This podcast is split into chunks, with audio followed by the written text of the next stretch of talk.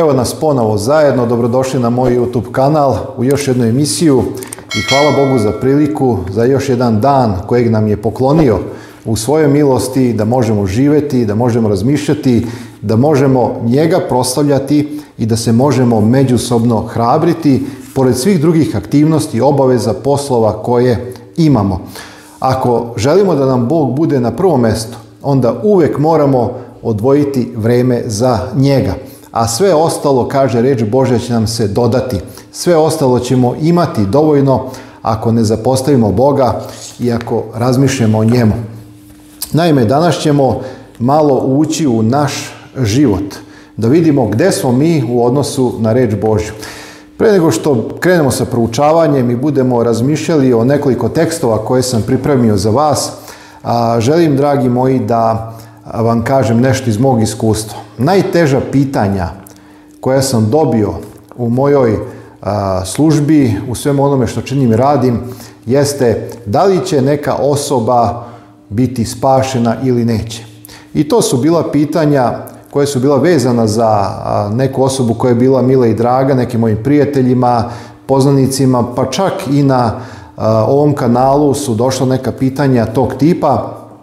Naime, ovo jesu najteža pitanja, ali dragi moji, o, ova pitanja imaju vrlo jednostavan i lak odgovor. Moj odgovor na ovo pitanje je bio ne znam.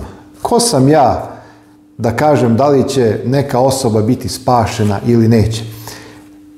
Odgovor na to pitanje može da da samo Bog, jer On poznaje ljudsko srce, On poznaje misli i pobude, On poznaje svakog čovjeka a mi možemo samo da sudimo na osnovu neke spoljašnjosti. Mada i to je nezahvalan pravac, mi nismo pozvani da sudimo, donosimo odluku, jer kada mi kažemo ova osoba će biti spašena ili neće, mi izričemo sud. A šta ako grešimo?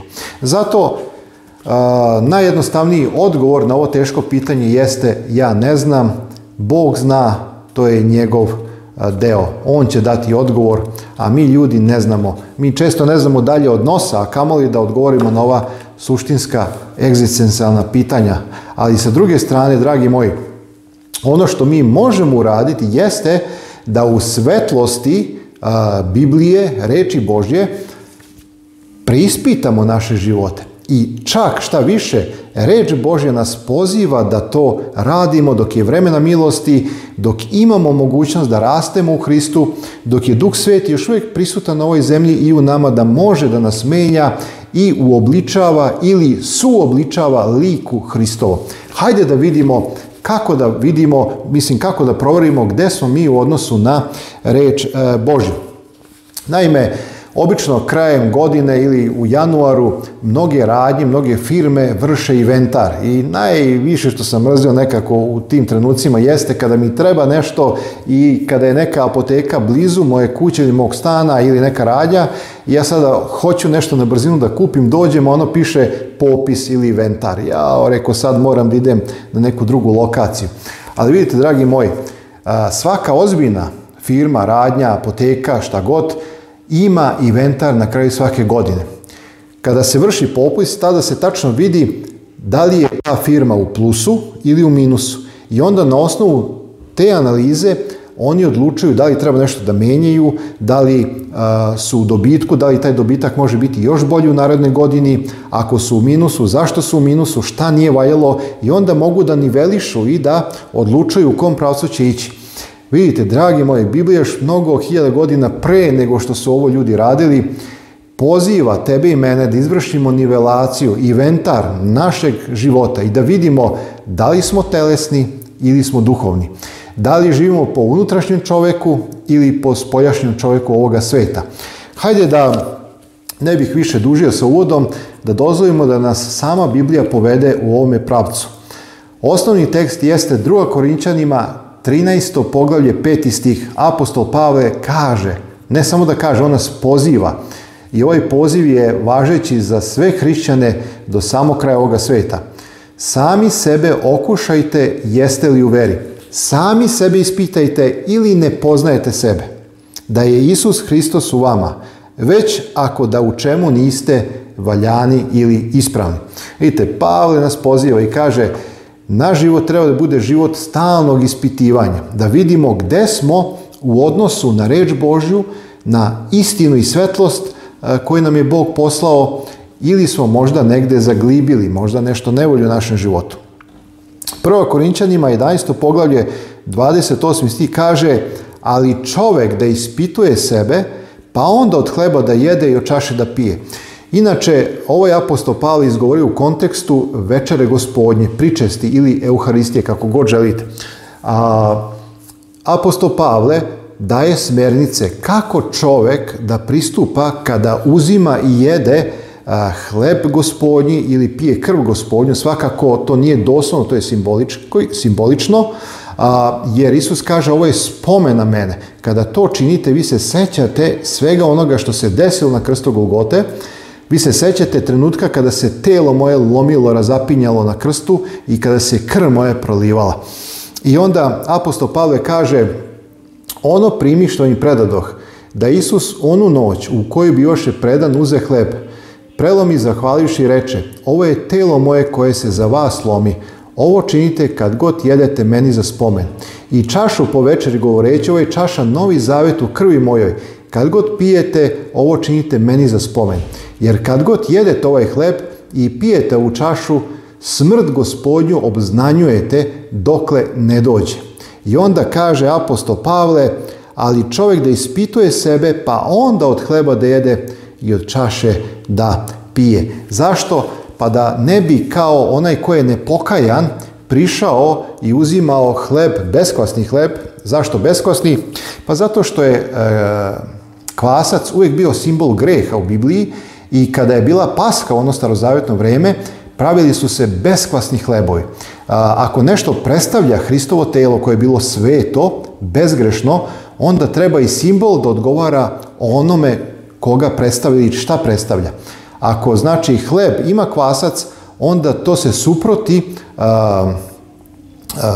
onome što predstavlja, jer kvasac je simbol greha. Znači, mora biti beskvasni hleb i mora biti bezalkoholno vino, zato što je alkohol uvijek simbol greha u Bibliji i oni su cedili gvožđani sok šira, znači isjeđeni groženi sok, jer Biblija kaže ne kvari vina jer je blagoslov u njemu.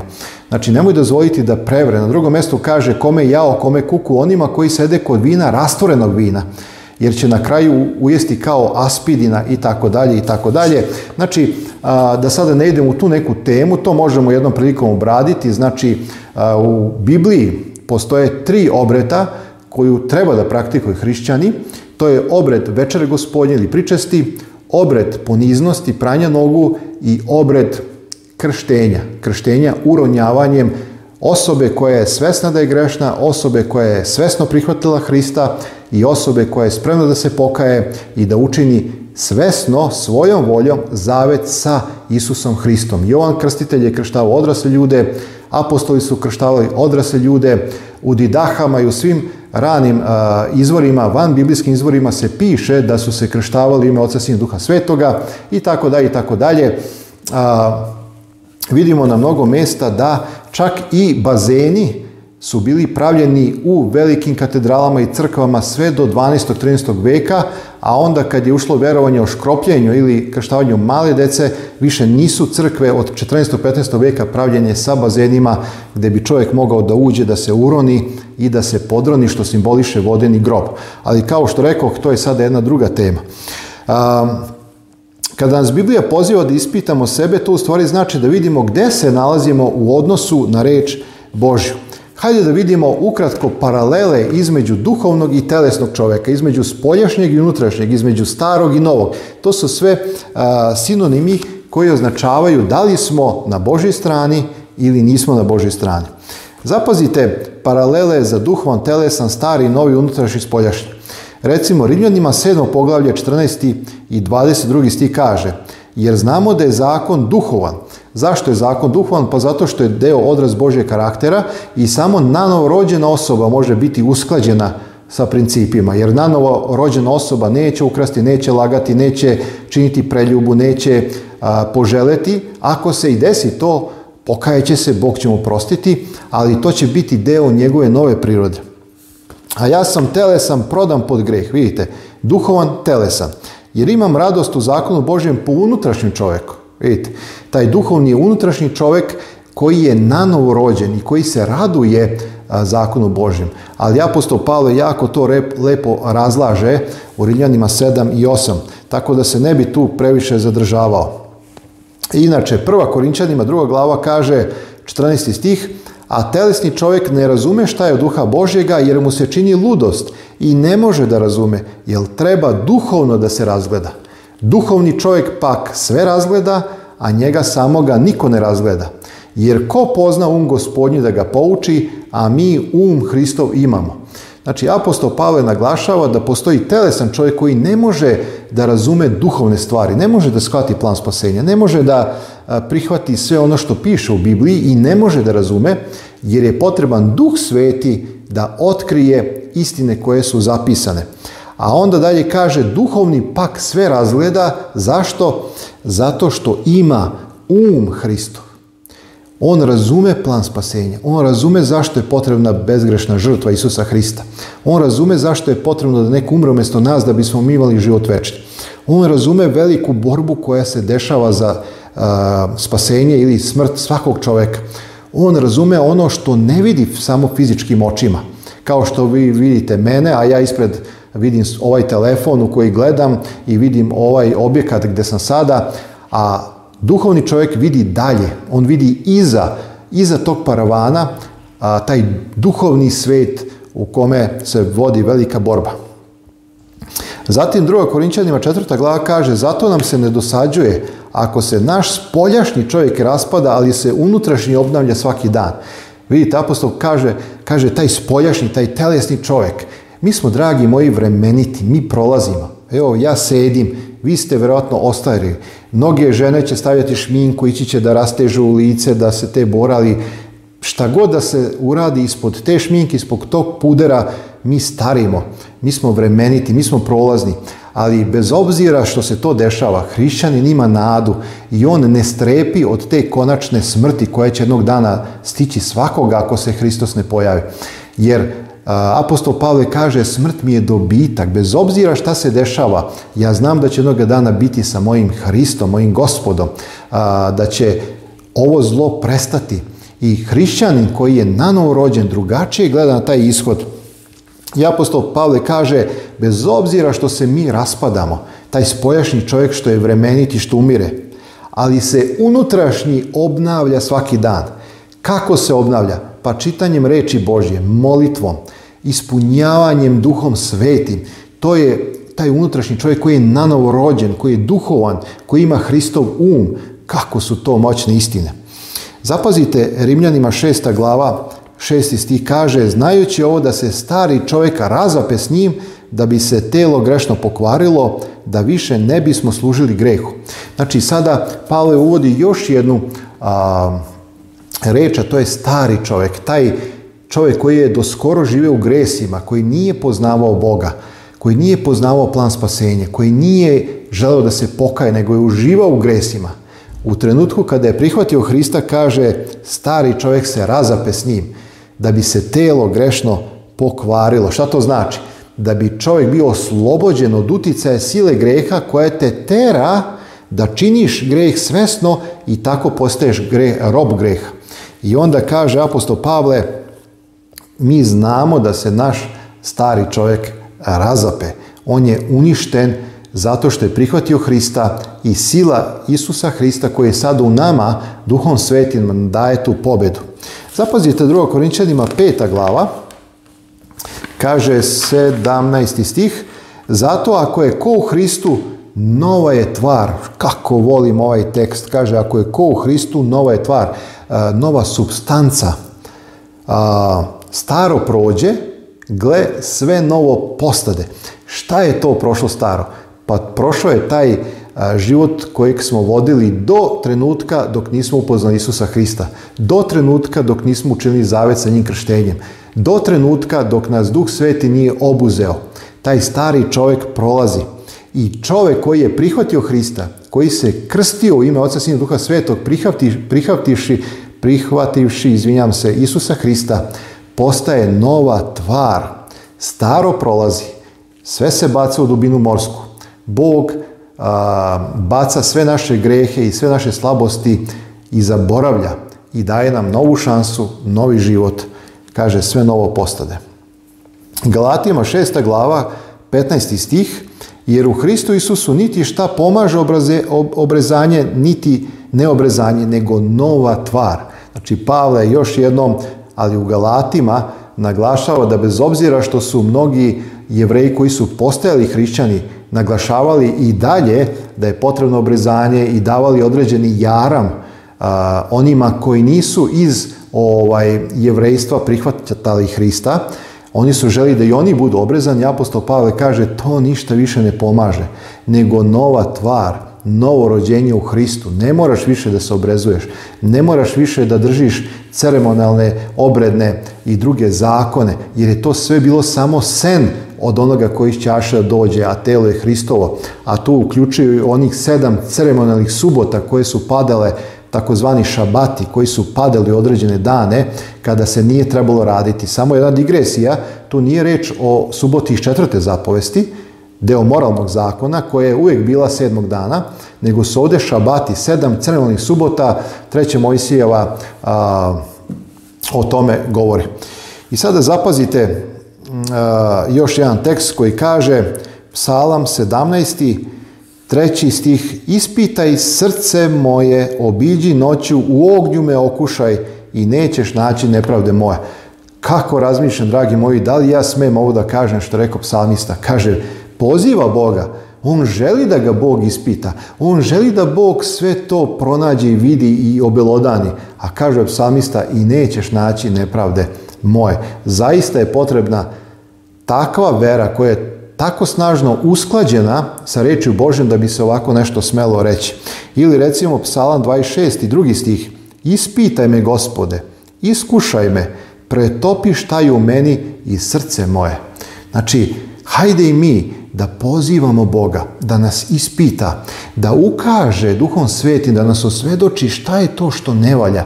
Ako ima nešto da ne valja, a sigurno će biti, dragi moji, i nije to problem, ali je problem ako to tajimo, ali ako pozovemo Boga i damo mu slobodu da on ispita nas, on će nas osvjedočiti da smo grešni u ovoj ili onoj stvari i mi ćemo se pokajati i dobit ćemo oproštenje. I evo, dozvolite samo napraviti se jednu tabelu da vam iznesem samo čisto praktično razlike između telesnog i duhovnog. Svetovni telesni um Važno mu je da izgleda. On ima obličje pobožnosti, a nema sile. Kad je u pitanju duhovni hrišćanski um, važno mu je da bude. Sad smo deca Božja. Kao što Isus kaže, ja sam onaj koji jesam. Znači, važno mu je da bude. Zatim, preokupiran je sobom. To je taj svetovni um. A duhovni um preokupiran je božanskim zadatkom. Spreman je da živi da bi se taj cilj ostvario. Zatim, voli da ugovara i da sluša od drugoga ogovaranje, uživa u tome, to je telesni um, a duhovni ne ogovara i ne osjeća se prijatno dok sluša, već ljubazno prekine i povede razgovor u drugom pravcu. Vidite razliku između telesnog uma, telesnog čoveka i duhovnog. Zatim, telesni ne vidi svoju grešnost. On će uvijek biti samopravedan, on će uvijek biti dovoljno dobar u svojim očima, on će uvijek biti onako ovaj, živit u nekoj opuštenoj atmosferi, kao pa šta, nisam ja baš tako loš, a duhovni um stalno je sve veća njegova nedostojnost pred gospodom. To je ono carenik Budi milosti meni grešnome. Gospode, smiluj se na mene, jer ja sam grešan. Tako se ponaša duhovan um. Zatim, uvijek izdvaja svoj stav i mišljenje kao nešto posebno vredno, to je taj telesni um, a duhovni teži da bude jedno sa Hristom i bližnjima i brani samo božanska načela i to zastupa. Zatim, ovo mi se posebno sviđa, pouke koje se iznose dok a, sedi u crkvi odnose se uvijek na druge. To je onaj trenutak kada se nose vile, vile u crkvu. Aha, ova poruka, a to je za onog brata. A ono što je rekao propovjednik, a to je za onoga. Znači, nikad za mene, uvijek za nekog drugog. Onaj ne valja, ne ja. To je telesni um, a duhovni um pouke koje čuje odnose se uvijek na njega, a ne na druge. U crku nosi grablje, znači ova poruka je za mene, grablje, znate, vuče ka sebi. I ova poruka je za mene, a i ova poruka je za mene. Ne za druge, nego za mene. Zatim, telesni um voli greha a mrzi grešnika koji ga čini, a duhovan um voli grešnika, ali mrzi greh koji se čini. I evo još jedan na kraju, paralela, a, duhovni živi, izvinjam se, telesni, živi po telu, telesno misli i ne može Bogu da Recimo Rimljanima osma glava od 3 do 9. A duhovni um živi po duhu i duhovno misli i stalno Bogu ugađa. Recimo Galatima 1.10. Ja vas pozivam kad imate vremena napravite rubriku leva strana telesni um, desna strana duhovni um i onda još dopunjavajte. A, ima zaista mnogo paralela koje mogu da se dopune. Dozvolite mi da završim sa jednim pozivom. Tekst se nalazi u psalmu 139. Ovaj poziv je ujedno i molitva psalmiste, ali treba da bude i naša molitva. Psalam 139, 23. i 24. stih. Okušaj me Bože i poznaj srce moje, ispitaj me izvrši onaj inventar, sećate se. I poznaj i pomisli moje.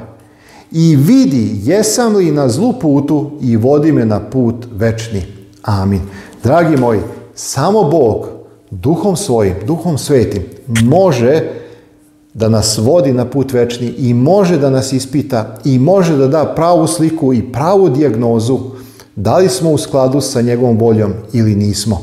Bog je potreban da bismo mi bili svesni da li smo na pravom putu ili ne.